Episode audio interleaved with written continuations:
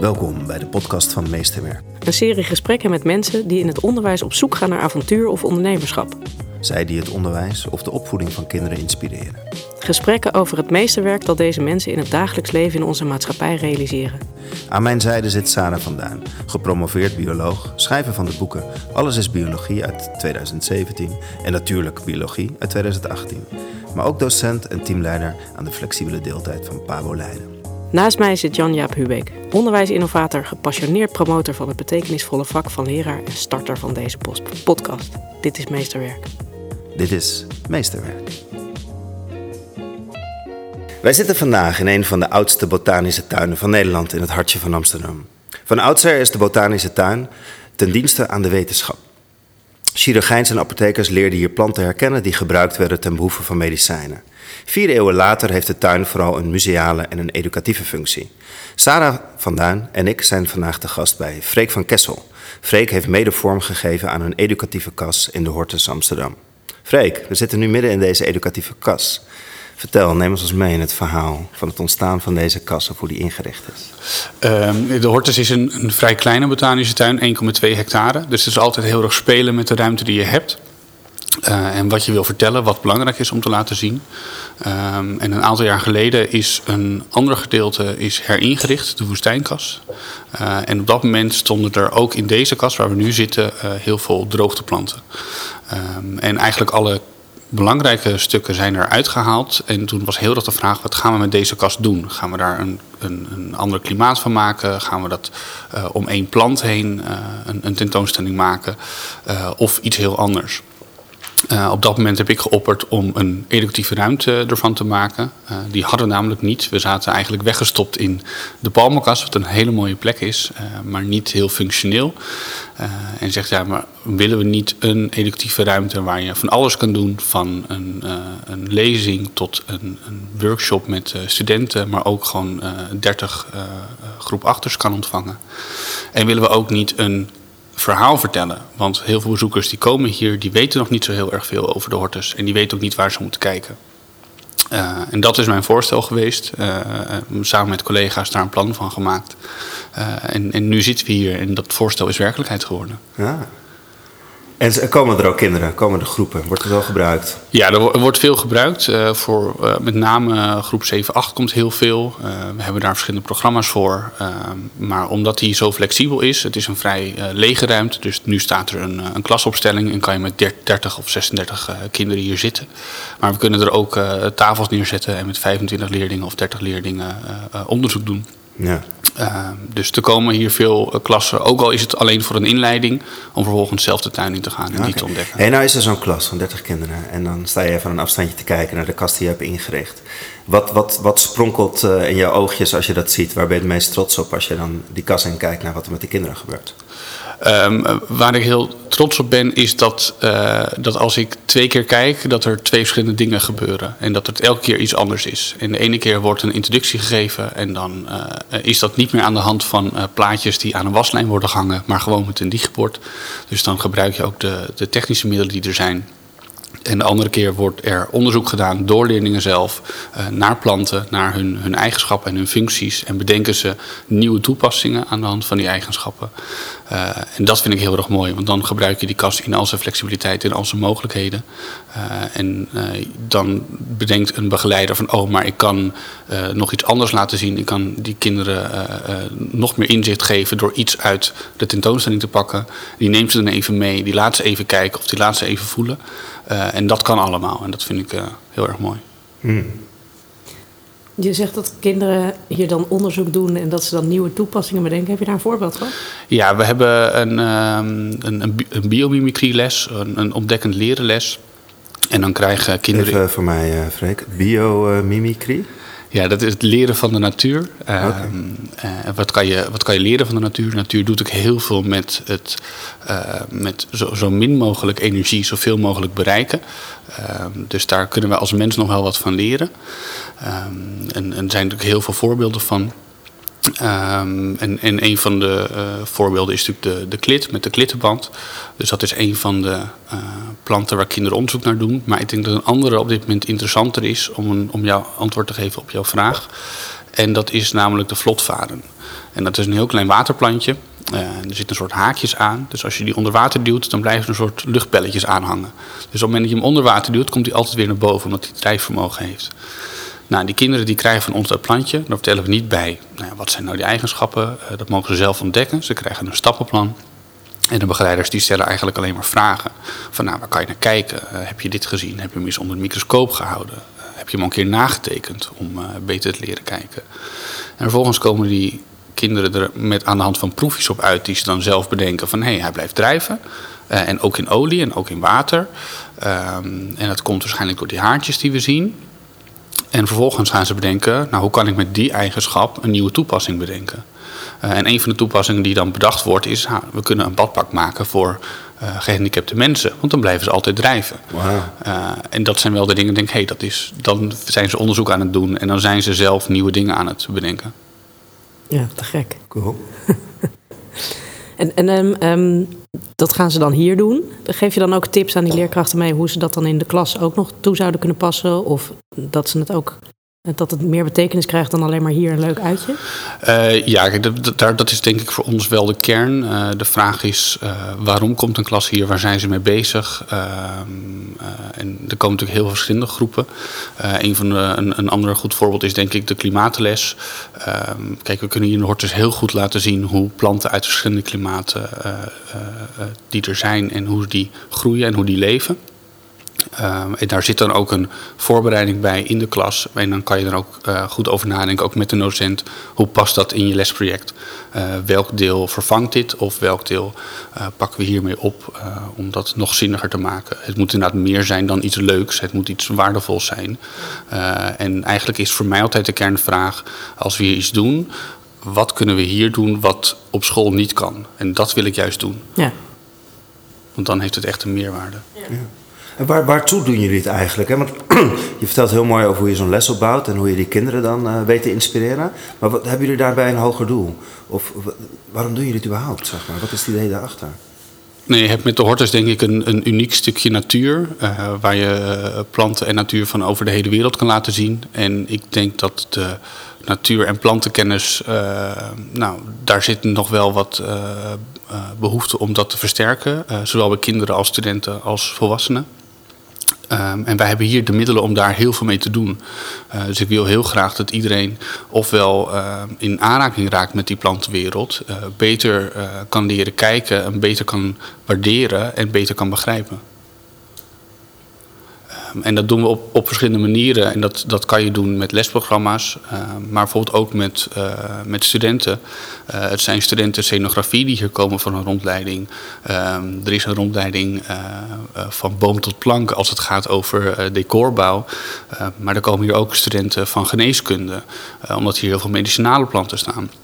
Dus hoe verbreed je nou dat perspectief en hoe bied je ze ook wat context in wat ze uh, in hun dagelijks leven gebruiken? Uh, en dat kan heel goed met alles wat hier staat. Een levend museum, wat, wat een grote educatieve waarde heeft. Ja, eigenlijk wel. En ik denk dat de Hortus een, uh, qua, qua erfgoedwaarde daar zeker bij past. het is altijd wel, vind ik, een lastige met een levende collectie. Uh, ik denk dat je in de, standaard erfgoeddefinitie uh, het soms nog wel lastig is. Kijk, er zijn een aantal planten waarvan je zeker kan zeggen: hey, die zou je als je een, uh, een erfgoeddefinitie eraan hangt, zeker museale waarde hebben. ik noem een Oost-Kaapse broodboom, die bestaat al zo lang. Er zijn er weinig van. Die is ook in het bezit geweest van Willem II. Um, en, en die staat hier in de Hortus? Die staat hier in de Hortus. Okay. Die staat hier in de palmenkast. Beschrijven. Hier uh, in de palmenkast? Ja. Okay. Nou, meer dan 350 jaar oud. Um, een cycadee, een, een, een oerplant. Uh, groeit heel erg langzaam. Dus is nog, nou, ik denk een, een meter of vier hoog. Terwijl die al 350 jaar oud is. En staat in een pot, uh, een beetje voorovergebogen, want is een beetje krom gegroeid. Dus wordt ondersteund door een, uh, door een stok. Um, een oude man. Een oude man eigenlijk, ja. Uh, en, en dat is een, een hele speciale plant. En zo zijn er heel veel meer van. Maar als je kijkt naar het, het erfgoedaspect... ja, maar die is wel echt anders dan andere cycadeeën... en andere Oost-Kaapse broodbomen. En dat maakt hem echt uh, van een andere waarde, denk ik, dan een, een andere plant die, uh, die er misschien op lijkt en hier ook staat. Um, maar ik denk dat die waarde zit hem niet alleen in het individuele, maar ook juist in die collectie, in die diversiteit ervan. Ja. Uh, omdat we hier planten hebben die in het wild verzameld zijn of geruild zijn met andere botanische tuinen. We weten waar komt de plant vandaan, waar is hij verzameld, uh, door wie is hij verzameld, wanneer is hij verzameld. Uh, dus je hebt echt de originele heb je uit de natuur gehaald. Uh, en die staan hier. En dan staan hier uh, ook wel planten die je in een tuincentrum kan vinden. maar dan niet aangepast of niet doorgekweekt. Maar ook heel veel soorten die je eigenlijk nooit zal zien. en omdat je die diversiteit hebt, kan je daar ook heel veel mee doen en heel veel verhalen en, mee. En wie beheert dat? Wie bedenkt dat we nu deze plant hebben? Of, of staat die er al 350 jaar? Of hoe komen planten hier in de Hortus? Hoe, nee, hoe dat? dat kijk, de, de, Hortus is natuurlijk al uh, meer dan 375 jaar oud. Dus het is een heel erg een historisch gegroeide collectie. Uh, van origine, uh, wat je zelf ook zei, medicinale planten. Ter, ter, voor onderwijs en toetsing van chirurgijnen en apothekers. Uh, en daar is het mee begonnen. En de Hortus heeft, uh, omwille ook van die, van die historie, een, uh, een, een, natuurlijk een link met de VOC. En, en op een gegeven moment, juist door de relaties die bijvoorbeeld de, de, de mensen die hier werkten hadden met de mensen die bijvoorbeeld op de Kaap zaten, um, die hadden natuurlijk veel briefcontact. En er kwamen met ieder schip van de VOC kwam er wel een, een zaadje of een zaailing kwam er mee. Um, en de, de Hortus in Amsterdam was echt een doorvoerhaven. Dus toen kwam er veel hier binnen en ging ook een deel door naar Leiden, waar veel onderzoek werd gedaan. Um, en kijk, dat, die, dat collectiebeleid is echt wel veranderd door de jaren heen. Uh, zo ook zeg maar, de functie van de hortus veranderd is. Um, later werd het meer een wetenschappelijk georiënteerde tuin.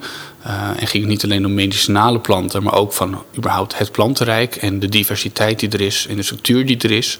Um, er is nog niet bekend hoe het plantenrijk in elkaar zit. Dus ga je daar onderzoek naar doen. En, en, vandaag de dag zijn we natuurlijk heel erg bezig met diversiteit en verhalen vertellen. En, en, daar pas je je collectiebeleid op aan door specifiek te verzamelen en sowieso natuurlijk te bewaren. Ja. Als ik dan kijk, want eigenlijk is het dus gewoon een soort museum voor planten.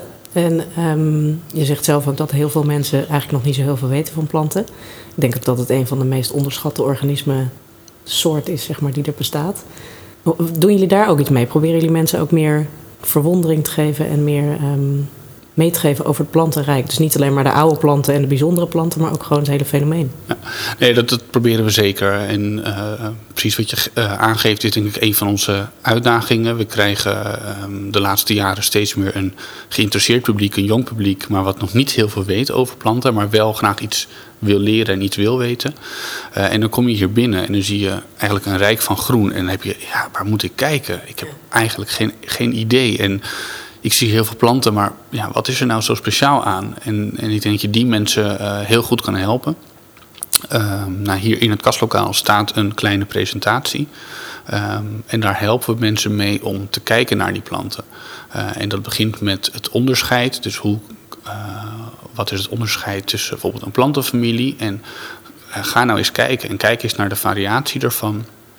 Uh, kijk eens naar uh, de dikte van de bladeren, maar ook hoe de bladeren opgebouwd zijn. hebben ze strepen, zijn ze groot, klein? Um, vervolgens ook het ervaren. Um, je mag op één plek in de tuin wel planten aanraken en voelen en ruiken en proeven. Om echt even al je zintuigen in te zetten. Uh, vertelt natuurlijk iets over verzamelen. Van, ja, waarom verzamelt een botanische tuin nou? Waarom zijn al die planten hier? Waarom staat overal een bordje met, met een code bij? Wat houdt het nou in? Um, en, en dat is denk ik een begin om mensen te helpen het plantenrijk en de hortus te begrijpen. En om ze uh, beter te laten kijken. Wat ik zelf ook heel graag doe met een rondleiding, is om mensen te wijzen op platformen, bladstructuren, uh, bladstanden. Um, omdat je, het, het, het valt je niet op als je voor het eerst bent. Maar er zitten heel veel variatie en heel veel detail in. Um, en je hebt denk ik iets of iemand nodig wat je daar uh, laat kijken. Ja. Wat kunnen we daarvan leren? Je zegt 1,2 hectare. Het is niet groot. We zijn er echt in een heel mooi afgesloten stukje Amsterdam. Er is stilte. We horen de vogels boven de kas. Terwijl daarbuiten gaan de trams en, en auto's en fietsers door de stad. Wat kunnen we meenemen uh, vanuit dat plantenrijk naar, naar de grote wereld uh, hierbuiten? Wat leren we hier nou van die planten? Ik, ik denk wat je leert is uh, voor ieder specifiek, maar is uh, in, in de basis het belang van planten en, en ook de schoonheid van planten. Uh, en dat die soms zit in iets groots en soms ook in iets kleins. Dat een plantje wat je op de hoek op de straat tegenkomt, kan ook heel speciaal zijn. Maar je moet er maar even naar kijken. Dus uh, om mensen even stil te laten staan, uh, te laten zien en te waarderen. En ik denk dat je die waardering voor planten en het plantenrijk, dat je die heel goed mee kan nemen weer naar buiten toe. Uh, want het gaat er niet alleen om wat hier heel mooi is, wat in het museum heel mooi is. Maar wat betekent dat nou voor jou als persoon? Hoe zie je dat in je dagelijks leven ook? En dat als je in de Albert Heijn of de Vomar of wat voor supermarkt dan ook loopt, dat je ook denkt, oh ja, dat komt ook heel veel van het plantenrijk. En als je in je huis loopt en je ziet, oh, maar die houten kast komt natuurlijk van een plant. En dan heb ik toch wel hoofdpijn. En een aspirintje, hey, dat wordt, komt ook van een plant af. Uh, uh, en je misschien op de bank ploft en een flesje wijn opentrekt. En dat planten toch eigenlijk wel overal zijn. En dat je dat misschien een keer bewust meemaakt en bewust even bij stilstaat van, oh ja, dat is het belang van plantenrijk. Ja. ja en je zei net ook dat uh, bij biomimicry dat inderdaad um, het erom gaat dat organismen, gewoon überhaupt de natuur, dat die heel erg zuinig met hun energie omgaan. En ja. dat ze, hoe zie je dat in planten terug? Als ik bijvoorbeeld kijk naar, de, naar uh, um, een boomstam, wat ik altijd aan mijn studenten vertel, is dat als een boom in een, uh, in een bos staat, dan is hij veel dunner. Uh, is de stam veel dunner, want hij heeft dus van de wind geen last, omdat alle bomen eromheen staan. En als hij dan in zijn eentje staat, dan moet hij die stam ineens uit gaan breiden, omdat hij anders omwaait. Dus, dat is, um, dus gebruiken dat heel efficiënt, terwijl je daar helemaal niet van bewust bent dat er andere dingen zijn en dat ze het eigenlijk die energie alleen maar inzetten op het moment dat het nodig is om te overleven. Dus het voelt dan alsof ze erover nadenken en dat is nou ja, in ons hoofd natuurlijk niet zo. Maar ik vind dat. Heb je het boek De Intelligentie van Planten gelezen? Ja, ja we hebben natuurlijk uh, uh, van Norbert Peters, denk ik, daar je op doelt. Volgens mij dat ook, ja. Uh, we hebben het daar natuurlijk ook wel veel over, inderdaad. Van hebben planten intelligentie en, en hoe gaan planten slim om met hun energie? dus ook, ook over, je kan natuurlijk ook hebben over communicatie van planten. Ja. Uh, dat planten uh, met uh, verrood licht elkaar als het ware kunnen zien, kunnen ervaren. En dat ze dan ook anders kunnen gaan groeien. Dat ze bijvoorbeeld meer hoogtegroei toepassen. Om dat ze merken dat ze in de verdrukking staan. Um, en, en sowieso denk ik, we zien natuurlijk hier ook heel erg dat planten zich wel iets anders gedragen dan in hun natuurlijke habitat. Uh, komt ook omdat we de planten eh, die normaal niet samenleven wel bij elkaar zetten. Uh, en dat heeft ook wel zijn impact. Los van het feit dat de omstandigheden hier anders zijn. Je bouwt in een kast omstandigheden na wat werkt voor een, een grote groep planten. maar ja, de, individuele behoefte is wel wat anders. Ehm, dus dat, dat, zien we wel. Ja. Dat is ook een beetje zoals het in de klaslokaal gaat natuurlijk. Dan ga je voor de 30 kinderen bouw je de, de ideale omstandigheden. Maar dat ene kind kan er natuurlijk. Uh, nee, precies. Ja. En, en, ja, en daar gebruik je denk ik de, de expertise van een, een begeleider of een hortusdocent van. Om inderdaad uh, uh, te zien en van hé, hey, maar dit kind heeft een andere leerbehoefte. Dus als dit niet werkt, ga ik een andere methode toepassen. Ja. En misschien werkt dit wel. En dat kan natuurlijk in zo'n dynamische omgeving. Ja, dat kan heel goed. En ik denk heel goed ook hier, waar we natuurlijk veel met kleine groepjes werken uh, het is een stuk makkelijker om uh, je aanpak te veranderen als je vijf leerlingen voor je neus hebt dan wanneer je er dertig voor je neus hebt. Um, en en het, wat ik denk hier heel erg helpt, is je kan eigenlijk alles inzichtelijk maken. Je kan wat je vertelt, kan je ook echt laten zien. Um, en als je het over een tropisch klimaat hebt, dan kan je daar naartoe lopen. En dan, dan is het niet de tropen zoals je die um, in, in Zuid-Amerika zou zien. Maar uh, de ervaring, die past wel. En de planten die er staan, dat klopt wel. Um, en als je het dan over klimaten gaat hebben en over aanpassingen van planten aan klimaten, um, dan kan je dat heel goed, uh, kunnen kinderen dat heel goed ervaren. En ik denk wat je, wat je vroeg over hoe gaan planten om met hun energie.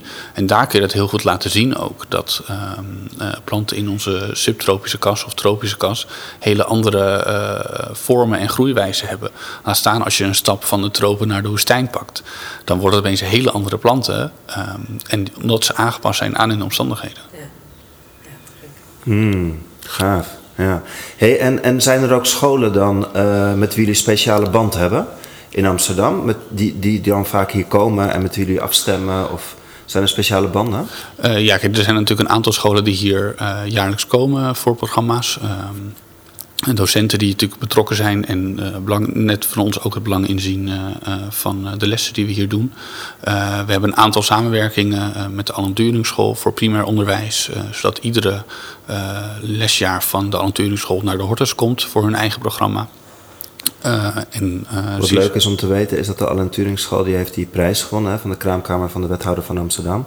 En die school die, nou ja, bedenk een school en daar is de Alan Turing School uitgekomen. En die zijn naar jullie toe gegaan en die zei van biologieles doen wij niet in het lokaal, biologieles doen wij in de hortus. Ja, exact. En dan gaan wij inderdaad meedenken van oké, maar wat gaan we dan hier vertellen? Wat gaat nou echt een meerwaarde hebben? Wat gaat echt impact hebben uh, voor, de, voor de leerlingen? Uh, en hoe zorg je dat daar ook een, een logische leerlijn in zit? Uh, dat ze ieder jaar terugkomen en ieder jaar weer uh, iets nieuws leren, wat een logisch vervolg is. Ja, en daarmee gaat het dus verder dan het is alleen maar leuk. Want je begint eigenlijk met elke antwoord over het onderwijs dat het een, een verhaal moet vertellen waar een, waar een leerlijn in zit. Je moet meer leren dan alleen maar het kleine verhaal over die ene plant. Ja, het moet echt diepgang hebben. Want, uh, kijk, en het mag ook hier. Hè. Je mag hier ook komen uh, als bezoeker en het gewoon leuk hebben en gewoon genieten van de schoonheid van planten. Uh, maar als het om onderwijs gaat, vind ik dat niet voldoende. Uh, dan moet je echt een impact maken, dan moet het zinnig zijn. Uh, je vraagt ook heel wat. Uh, als we het hebben over primair onderwijs, dan als ik naar vanuit mijn raam zit te kijken hoe een klas hier zit, weet ik ook dat ze van tevoren met die klas, met 30 leerlingen, in de tram zijn geweest. dat er vijf ouders meegaan om te begeleiden. Dan denk ik, ja, dan, dan kan, je niet, kan je het niet doen met iets leuks. Dan is dat niet voldoende. Dat doet niet recht aan uh, de noodzaak van het onderwijs, maar ook niet recht aan de tijd en energie die erin gestopt wordt. Nee, niet recht aan de hortus. Nee. En dat ook. Nee, maar dat vind ik wel inderdaad wel mooi. Want uh, leerkrachten vinden natuurlijk heel vaak uitjes naar musea en dergelijke. Dat is leuk, maar het kost wel extra tijd, waardoor ze niet aan een methodeles toekomen. En op het moment dat jullie hier dan inderdaad kijken naar de leerlijnen en kijken naar waar het uh, aan kan sluiten bij de methode of bij de, de les die ze op dat moment geven, dan is het voor een leerkracht ook minder uh, extra werk, maar is het vervanging. En dan denk ik, zeker omdat ze nu natuurlijk zo druk hebben, is het wel mooi om daarover mee te denken. Ja, exact. En, en je ziet natuurlijk ook wel dat de druk op uh, organisaties als de Hortus daardoor uh, groter wordt. En we zijn relatief voor Amsterdam een, een kleine speler, dus we kunnen dat wel doen. Kijk, er zijn ook grotere musea die kunnen dat niet doen, maar die, die bedienen een, een leerlingenaantal waar je, waardoor die flexibiliteit eruit gaat. En ik denk dat wij er heel mooi tussenin zitten. We hebben een aantal programma's die heel goed werken voor, uh, voor, voor scholen. Denken, hé, hey, dit past heel goed in waar ik nu mee bezig ben. En, en als het zo uitkomt en een, een docent die vraagt ernaar, kunnen we ook nog meedenken. Uh, en dat, uh, dat maakt het wel mooi dat je nog net klein genoeg bent om dat ook te kunnen ja, doen. Ja. Hey, de, de, je zei het net, uh, storytelling, het, het, vertellen van verhalen. Als ik door de, door de hortus loop, ik, terwijl ik langs jou kijk, zie ik de, de knuffelboom. Ehm, mijn kind van 13 heb ik vanaf geboorte, die wil altijd even naar die knuffelboom. En gewoon het verhaal, um, ik weet niet eens hoe die heet, het is een redwood, denk ja. ik. die is zo zacht, als er bosbrand is, dan dan gaat de buitenkant volgens mij in één keer op aan vlammen, waardoor de stam en de boom zelf heel blijft. Volgens mij is dat het verhaal. Ja, hij heeft, een, hij heeft een hele luchtige bast en daardoor is hij inderdaad bestand tegen uh, bosbranden, want het vuur dringt er dan in, maar dan uh, is er opeens geen zuurstof meer. Dus dan dooft het vuur weer. En zo is hij inderdaad beschermd tegen bosbranden.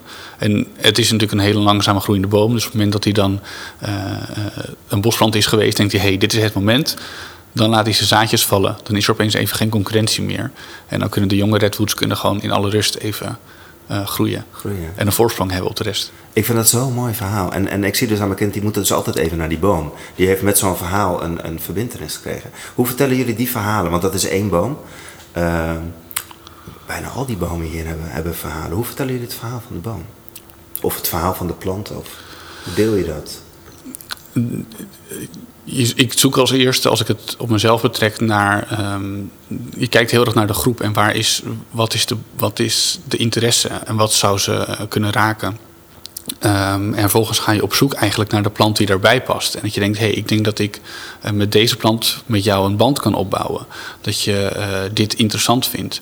Uh, en vervolgens vertel je iets over de plant zelf. En ehm, kijk bijvoorbeeld, een, ehm, als je naar de kurkijk loopt, dan kan je het over kurk hebben. En dan begin je met, nou ja, maar dit is de kurkijk. En waar zou nou de kurk van gemaakt worden? Dus ook om die vraag te stellen. En vervolgens, ja, maar de, de bast van de kurkijk is uh, van nature heel ruw en helemaal niet uh, glad. Het lijkt helemaal niet op een kurk. En hoe ga je dan zorgen dat je daar toch kurk van kan maken? Hoe zouden ze dat nou doen? Dus door vragen te stellen en eigenlijk die, die fantasie ook te starten. Um, en vervolgens kan je vertellen dat je dus die bast van die kurk eigenlijk eraf haalt. En dat er dan nieuwe bast voor terugkomt. Die heel anders is. Die is heel glad. En die kan je oogsten om, um, uh, om kurken van te maken. En, maar dan is het denk ik het belang om daar ook niet te stoppen, maar dan ook te vertellen. Um, en hoe vaak zou je dat kunnen doen? Um, want we kunnen van jou ook niet zomaar een laagje afhalen. En dat gaat misschien voor een stukje goed. Maar hoe zorg je dat die kurk eigenlijk het overleeft? En hoe zorg je ervoor dat, uh, dat als je het nu doet, dat je het over 10 of 15 of 20 jaar nog steeds kan doen? Uh, en ik denk dat je zo Vertel eigenlijk mens, mensen mee probeert te trekken in het verhaal. Ja. En langzaamaan eigenlijk uh, ook wat, wat bredere context te bieden uh, over hoe zit het nou en hoe zit het nou in elkaar. Zeg je daarmee dat jullie gewoon een, een, een, een boek vol met verhalen hebben over al die planten en je kijkt welke, welk verhaal willen we gaan vertellen en dat pakken we erbij? Ja, ja nou, kijk, we hebben natuurlijk heel veel boeken uh, in de bieb staan. Maar ik denk dat um, als het over een boek met verhalen gaat, uh, het meeste uh, toch wel de boeken zijn die in iedereen zijn hoofd zit. en ik, heb zelf een, een aantal verhalen um, en, en, ik ben geen bioloog. maar er zijn natuurlijk heel veel rondleiders van ons die zijn wel bioloog. En die hebben zo'n brede boekenkast in hun hoofd staan. Uh, en die kunnen daar eigenlijk van alles uithalen. Uh, en, en, en soms uh, moet dat ter plekke. En dan staat iemand voor je neus. denk je, oké, wat gaan we hiermee doen? en gelukkig heb je ook vaak de tijd om dat voor te bereiden. En dan kan je zowel uit die boekenkast uit je hoofd... maar ook de boekenkast hier inderdaad verhalen eruit plukken. Van, hé, hey, wat is nou interessant? Ja, ik zit even te denken een van die rondleiders die nam mij mee naar de overkant uh, bij een hotel daar. Dus aan de overkant staat er een hotel en daar liet hij me een plant zien langs de muur. En ik weet echt niet meer wat voor plant de, dat was, of hoe die heette, maar het was een Chinese plant. En omdat het deze zomer zo ontzettend warm was, en hij staat ook in de hortus, was, was het zaad uitgevlogen en hij zoekt dan beschutting langs muren. En die Chinese plant die komt uit China en uh, op het platteland in China, op het moment dat er vroeger een dochter werd geboren, dan werd zo'n plant geplant. Want tegen de tijd dat die uh, in volle bloei was, dat duurt ongeveer 14, 15 jaar, dan is de dochter uh, huwbaar. En alle Chinezen die over het platteland liepen en zo'n boom zagen en hij bloeide, dan wist je, hé, hey, daar woont een huwbare dochter. En op het moment dat het huwelijk gesloten werd, dan werd de boom gekapt en van de boom werden, uh, werd een tafel, een stoel, zeg maar, de, hoe noem je dat? De bruidschat. De, ja, de bruidschat meegegeven. Einde van de plant en die groeit hier aan de overkant. Briljant verhaal, die gast die, die, die schudde het ene verhaal na het andere eruit. Ik wil de hele dag mee verhalen luisteren. Ja. En dan heb je dus een combinatie van uh, uh, kenmerken van een plant en, en wat ze er vroeger mee deden. En dat is ook wel mooi inderdaad. Ja, en ik denk dat, want dat is natuurlijk uiteindelijk wel de, de, uh, de winst ook zeker van een rondleider of een begeleider, om alle verhalen erachter. En dat is natuurlijk, nou ja, als we terugkomen op het erfgoedgedeelte, wat je ook veel ziet in musea, um, het object kan niet het verhaal vertellen. Uh, dat doet hij niet zelf. Dus je hebt een interpretatie nodig, iemand nodig die dat verhaal vertelt. En dat kan een, een mythe zijn, dat kan een, een gebruik zijn, een geschiedenis zijn, uh, of iets wat die plant zelf uh, meegemaakt heeft. Het gebruik van de plant uh, en waarom hij nou speciaal is. En, en dat is uh, een, een, mooie uitdaging om die verhalen eigenlijk uit die plant te halen en kenbaar te maken. Ja, ik, ik, blijf een beetje hangen in mijn hoofd in die, bij die knuffelboom. Want ik zit te denken aan die biomimicry. Als er dan zo'n boom is die bij zo'n bosbrand daar perfect op reageert... waarom gebruiken ze dat dan niet om huizen mee te beschermen? Omdat er steeds meer bosbranden komen bijvoorbeeld. Ik denk dat dat uh, zeker natuurlijk in, in delen van Amerika, waar ze ook nog volgens mij veel uh, huizen van hout bouwen, ja. uh, dat dat zeker een, een interessante ehm, manier zou zijn om die huizen te beschermen. Ehm, want volgens mij is dat iets van, je kan de, de, ehm, de eigenschappen van die plant, die moeten haast wel te gebruiken zijn om over te zetten. Ja. Dat lijkt me zeker wel interessant. Hm. Ja. Ik ga even patent aanvragen. Zeker, we gaan een huis bouwen. ja, ja. Hey, en, en even de, het, het erfgoeddeel. Want is het, een, is het een oude kas? Is het een bijzondere kas? Of, uh... Uh, kan je iets over vertellen? Of, of, is het vooral die kast die daar in de hoek staat uh, waar het bijzondere verhaal over gaat? Nee, de, de kast in de hoek, de palmenkast, is uh, sowieso eentje waar bijzondere verhalen over te vertellen zijn. Die is in 1912 gebouwd.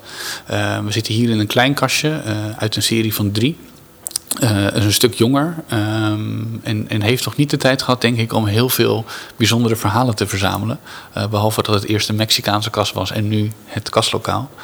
Um, en ik denk dat deze kast nog wel even de tijd zal krijgen om uh, zijn verhalen te verzamelen die we er later over kunnen vertellen. En wat is het bijzondere verhaal van de kast uit 1912? Nou, de kast uit 1912 is gebouwd voor Hugo de Vries, een hoogleraar die verbonden was aan de universiteit. En op dat moment was de Hortus dat ook nog.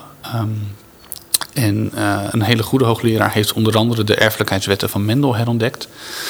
Uh, en hij kreeg een aanbieding van een universiteit in Amerika om daar naartoe te komen. Um, en dat wilde de Universiteit van Amsterdam niet. Uh, en toen heeft Hugo de Vries gezegd: Nou ja, goed, ik wil hier op zich wel blijven, maar dan wil ik drie dingen. Um, en de eerste was die kas, want dan kon hij zijn planten goed laten, uh, laten groeien. De tweede was een, uh, een, een collegezaal of een collegeruimte. Uh, dus dat is het bakstenen gebouw wat we aan de andere kant zien, wat hier nog staat. Um, en, maar dat is eigenlijk niet het belangrijkste. Het belangrijkste zei hij, ja, maar ik woon hier om de hoek. En ik moet dus elke morgen de hoek om en omlopen om naar binnen te komen. Dus ik wil ook mijn eigen toegangshek. um, en, nou ja, goed. Hij heeft eh, de kas en uh, het gebouw gekregen, het toegangshek ook. Uh, en uh, daar zijn we hem ook heel dankbaar voor, want die gebruiken we ook om af en toe nog pizza te halen bij de pizzabakkers om de hoek. Ehm, maar die kas is in 1912 gebouwd, of in ieder geval opgeleverd. en er staan ook heel veel planten in die toen geplant zijn. Dus er staat onder andere een kaneelboom die in 1912 geplant is. Ja, ja. Mooi. Ik zit nog even te denken. Uh, uh, wij werken met studenten en, en wat wij heel erg zien bij studenten is dat ze steeds bewuster worden. Uh, bij ons op de hogeschool kan je eigenlijk alleen nog maar Tony Chocoloni krijgen, want dat is, uh, daar is in ieder geval over nagedacht in hoeverre die hele keten zuiver is. Is natuurlijk nog maar de vraag. Maar het is een hele bewustwording. De generaties die nu van de middelbare scholen komen, die zijn met een paar dingen bezig. Die zijn best bezig met, betekenis in het leven. Waartoe doe je de dingen? Maar ook met duurzaamheid. Dat is echt een groot thema. Kinderen voor kinderen zingt erover, maar die studenten komen zo tegen. In hoeverre kunnen jullie met zo'n uh, tijdgeest ook meegaan? In hoeverre kunnen jullie voorloper daar zijn, aanjager zijn, om dat soort maatschappelijke thema's die je ziet bewegen, in hoeverre kan je die vanuit 1,2 hectare binnenstad Amsterdam, historie, in hoeverre kun je die mede vormen? Ik denk dat het sowieso gaat lukken, want uh, de Hortus is het gelukt om tot nu toe uh, met de tijd mee te veranderen en, en in te spelen op uh, actuele thema's. En dat zullen we ook in de toekomst kunnen doen. zeker met duurzaamheid is daar hebben we daar denk ik een heel mooi uitgangspunt om daar iets over te vertellen. Um, ik denk als je het over hebt van hoe gaat dat in die 1,2 hectare passen, dat dat uh, ook een stukje een toekomstverhaal is. Um, je, je, ziet dat mijn eigen ervaring, dat musea nogal eens achter uh, sociale ontwikkelingen aanlopen. Um, dus dat er een, een, nu een, een, duurzaamheid meer van belang is bij, bij de Nederlander en ook daarbuiten. En dat musea even een paar jaar nodig hebben om die omslag te maken om dat ook te laten zien in het museum. Um, en ik denk dat het hier ook wel gaat gebeuren. En we zijn natuurlijk nu. Wat loop je nu achter, is dat wat je Nou, dat zeg ik niet. Maar um, je, um, je kan niet met altijd alles voorlopen. En soms heb je een trend te pakken. Of dan heb je iets te pakken waarvan je denkt: hé, hey, dit, dit is helemaal van belang. En dan investeer je tijd en energie in. Ja. En dan gaat uh, de maatschappij toch de andere kant op. En is het niet meer van belang. Nee. Um, maar Freek, ik, ik heb het idee dat hier ergens een pijp onder de grond verdwijnt. die naar een ander museum gaat. Uh, en, en dat er warmte en, en, en koelte uitgewisseld wordt, of niet? Ja, zeker. Kijk, dat is natuurlijk uh, denk ik een hele belangrijke. We hebben met de Hermitage een, uh, een warmte-koude, of de Hermitage heeft een warmte-koude uh, opslag. Um, en die genereert daarmee warmte. meer dan ze eigenlijk zelf nodig hebben. wij kunnen altijd nog wel wat warmte gebruiken. Um, en dat is ook waar ik hem even nog een bruggetje wilde maken. Maar daar oh, zou ik zo op komen. Um, maar ik dacht, maar, voordat je het weet, ga je een verhaal vertellen. Nee. We zijn er over tien jaar pas. Ja. Nee, kijk, de, um, de kassen in de hortus die gebruiken veel warmte. Want je hebt die planten die moeten uh, zeker tropisch op minimaal 15 graden blijven. Ook als het buiten onder nul is. Um, en om daar die kosten en, en dat energieverbruik te verminderen, hebben we dus inderdaad is er een pijpleiding gelegd tussen de hermitage en de hortus. De hortus die krijgt warm water en levert eigenlijk koud water weer terug. en zo hoeven we niet meer vanaf nou ja, de temperatuur waarmee het water de kraan uitstroomt op te warmen, maar komt het met op 55 graden binnen. Ja. en dat scheelt een hele hoop in de stookkosten en de verwarmingskosten. Ehm, en het bruggetje wat ik wilde maken is omdat het een, een, een lastig aspect is. Want een botanische tuin aan zich is namelijk niet duurzaam. Uh, als je kijkt naar alle kassen, uh, voornamelijk enkel glas, dat, dat heeft ook zijn redenen. Uh, het licht en de energie moet ook naar binnen, maar daarmee verlies je ook heel veel energie. Um, en een ander icoon is onze drie tomatenkas. die moet gerenoveerd worden, dat moet over een paar jaar gebeuren. en daarvan hebben we nu ook gezegd, ja, maar dat moet dan ook het toonbeeld worden, uh, of in ieder geval een voorbeeld zijn van duurzaamheid. En dat, dat de ideaalsituatie wordt die kas ook klimaatneutraal. Want hoe kan je het over duurzaamheid hebben als je als Hortus een grote kas hebt met volledig enkel glas? Dat is natuurlijk een, een, nou ja, dat, dat wringt ja. iets meer dan een beetje. Ja.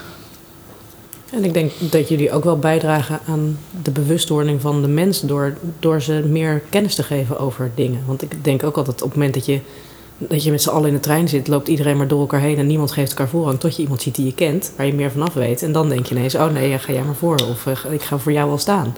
Dus hoe meer je weet over planten en hoe meer je weet over de wereld, hoe meer respect je denk ik krijgt en hoe eerder je opstaat op het moment dat er iets gebeurt. Ja. Ja, ja, ja. en hoe met meer respect je ook met de planten buiten de hortus of in je tuin of daarbuiten omgaat. En zegt, ja, misschien hoef ik dit niet weg te halen of uh, hoef ik deze tak niet af te breken.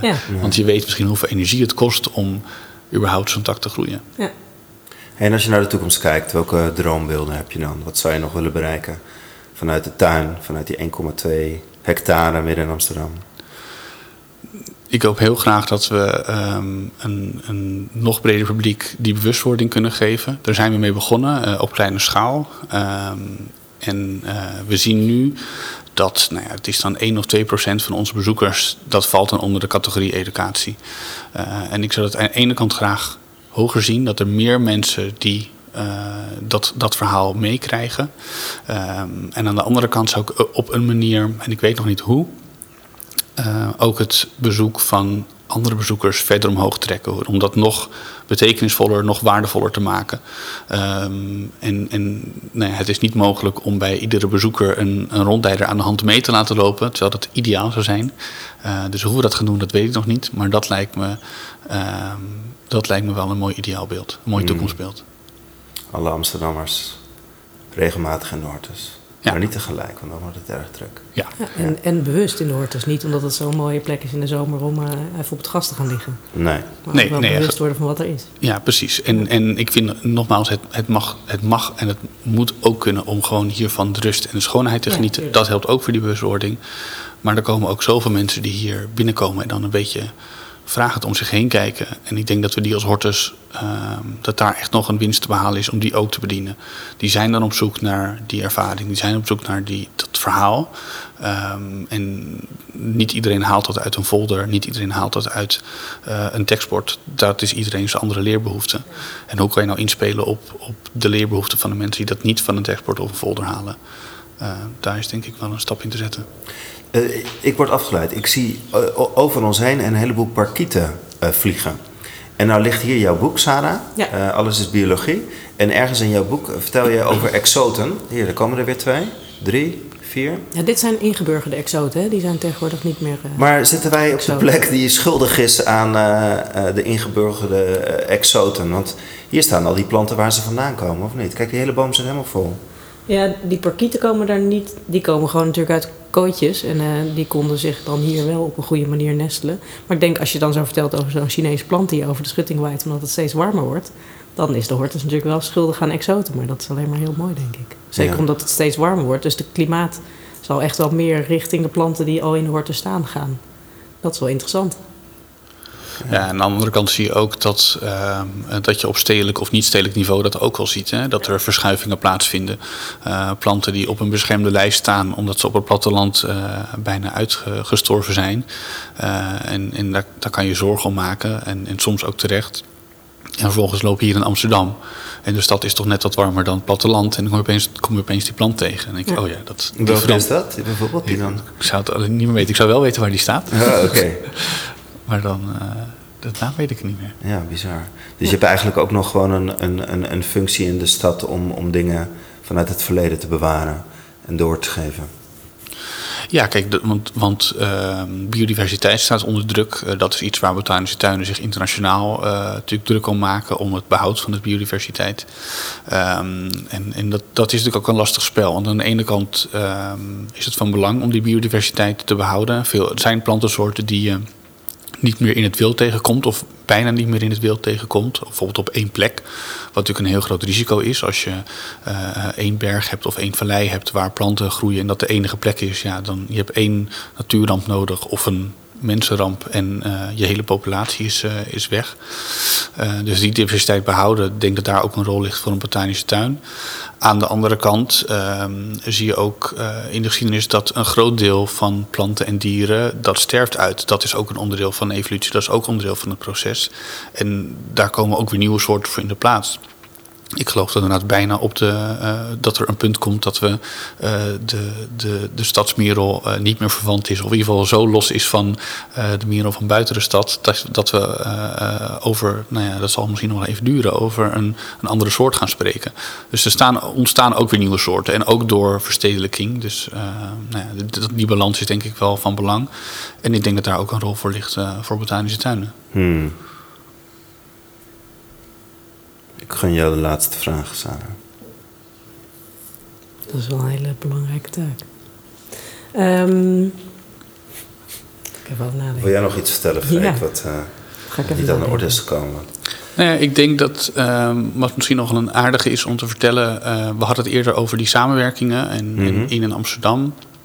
Eh, en ik heb over de Alan Turing School iets gezegd. ehm, en ik denk dat het ook past, ook in het kader van, eh, van duurzaamheid en samenwerking, om nog iets over het Econasium te vertellen. Ja, Het, mooi. het Comenius Lyceum ja. in, eh, in, in West. eh, Amsterdam-West, het- Comenius Lyceum, die... Sorry, het eerste econasium van Nederland, heel erg gericht op duurzaamheid. En eh, ze hebben ook het plan opgevat, of, en dan met name denk ik de enthousiaste biologieleraren en de TOA's daar, eh, om een kas op hun eh, gymlokaal te bouwen. Die kas is er nu ook. Daar hebben wij als Hortus ook in een samenwerking mee gestart. En dat doen we voor eigenlijk om meerdere redenen. Ehm, maar er zijn er heel veel goede te bedenken. Ehm, eh, gaat het over hoe kan je natuureducatie en planteducatie daar op een hoger niveau eh, zetten? Kijk, er zijn redenen om naar de hortus toe te komen. Maar er kunnen ook hele goede redenen zijn dat je zegt, nou, ik kan een les nog beter maken als ik de middelen ervoor heb. Eh, en op het moment dat je een kast vol met planten hebt, dan, eh, dan heb je opeens wat meer middelen tot je beschikking. Eh, en het biedt ons ook de kans om samen lesprogramma's te ontwikkelen. Waarin leerlingen bijvoorbeeld een, een onderzoek, onderzoeksproject gaan doen. Dat ze dat deels in het Comenius doen, naar de hortus toe komen. Hier met een tuinmedewerker spreken, vragen kunnen stellen, van die kennis gebruik kunnen maken. En aan de andere kant, en als het gaat over mijn toekomstbeeld, over de hortus en die 1,2 hectare, dan gaat hij eigenlijk denk ik verder dan die 1,2 hectare. Want uh, er zijn ook scholen die, uh, ik had het over die tram, die hier niet zo makkelijk naartoe komen. En op het moment dat je een, een duurzame samenwerking hebt met een Comenius Lyceum of een andere, een andere school, en je zeker in het geval van Comenius in kans, de kans hebt om daar ook lessen te geven, dan kan je als Hortus uh, of Hortus en Comenius daar ook les geven. En dat kan dan aan het Comenius, dat kan aan andere leerlingen, leerlingen van het voortgezet onderwijs, maar het kan ook aan basisschoolleerlingen die daar in de buurt zitten. Ja, mooi. Wat is er in die kast te vinden? Wat, hoe is die ingericht? Wat, uh, wat staat er? Uh, in die kast staan een aantal terraria met, uh, met, met planten en dieren. Er staan ook een aantal grote tafels met um, planten, droogteplanten, planten en verscheidenheid, maar ook een stukje evolutie. Ja. Allemaal binnen een eigen, eigen thema. En een aantal lege bakken ook. En dat hebben ze heel bewust voor gekozen, omdat ze hebben projectweken. Dus dan gaan leerlingen gaan proefjes doen. En die krijgen dan als opdracht om een wetenschappelijk onderzoek te doen naar een plant. En uh, daar is ook ruimte voor nodig. Uh, dus de ene moment staat daar, staan daar twintig tomatenplanten. En op andere moment staan daar hele andere planten en worden tuinbonen gegroeid. Uh, dus eigenlijk is het elke keer anders wat er staat. Ja, tof. Mooi voorbeeld, ja. Dus ik ineens denken dat het, het nieuwe hotel op uh, en Weiland, Hotel Jakarta, daar hebben jullie ook iets mee, of niet? Ja, we hebben uh, daar advies gegeven. Uh, Hotel Jakarta die wilde in hun binnentuin uh, planten hebben. Nou, dat is altijd wel een uitdaging. heb je ook planten die in een vochtig klimaat leven, wat standaard niet zo goed is voor je gebouw. Um, en daar hebben we net ook advies voor gegeven naar wat voor planten kan je dan neerzetten. Uh, zowel in, in de balans tussen wat is goed voor je klimaat binnen, goed voor uh, het gebouw, maar wat is ook goed voor de planten. Welke planten gaan het goed doen? Uh, en, en daar is nu inderdaad een, een, een mooie binnentuin net aangelegd.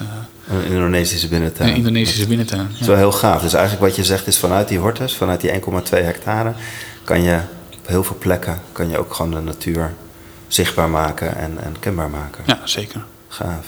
Wat zou je nog voor plekken in de stad zoeken? Waar zou je nog graag een, een, een stukje hortus willen achterlaten? Station. Station? Ja, ja, dan komt iedereen binnen. Ja. Dan, ja, heb, je, nee. heb je niet alleen Amsterdammers te pakken. Nee, nee precies. Ik denk dat, dat het station wel een hele mooie plek is. Uh, uh, station of Amsterdam-Noord, daar zit ik ook nog wel een... Uh, dat gaat ook nog heel veel groeien. en als je er ergens op tijd bij wil zijn, dan op, op, op tijd zeg maar het zaadje plant. Dan denk ik dat je ergens in Amsterdam-Noord van een goede plek zou kunnen vinden. om daar ook nog wat invloed en impact op te hebben. Mooi. Gaaf. Gaaf. Kan je in, één zin vertellen, het mag wel een zin met een komma zijn hoor, um, aan onze studenten en aan leerkrachten waarom het echt heel belangrijk is dat kinderen uh, leren over planten en dat planten niet saai zijn? leerlingen en kinderen die eh, moeten leren over planten, omdat eh, planten, of je het wil of niet, echt onderdeel zijn van je dagelijks leven. Eh, en dat ze echt voor je eigen toekomst en de toekomst van je kinderen van belang zijn. En zonder planten red je het zelf niet. en zonder planten redden ook je kinderen of verder het ook niet. Lijkt me een mooie afsluiting. Hele mooie afsluiting. Dankjewel, Freek. Dank jullie wel.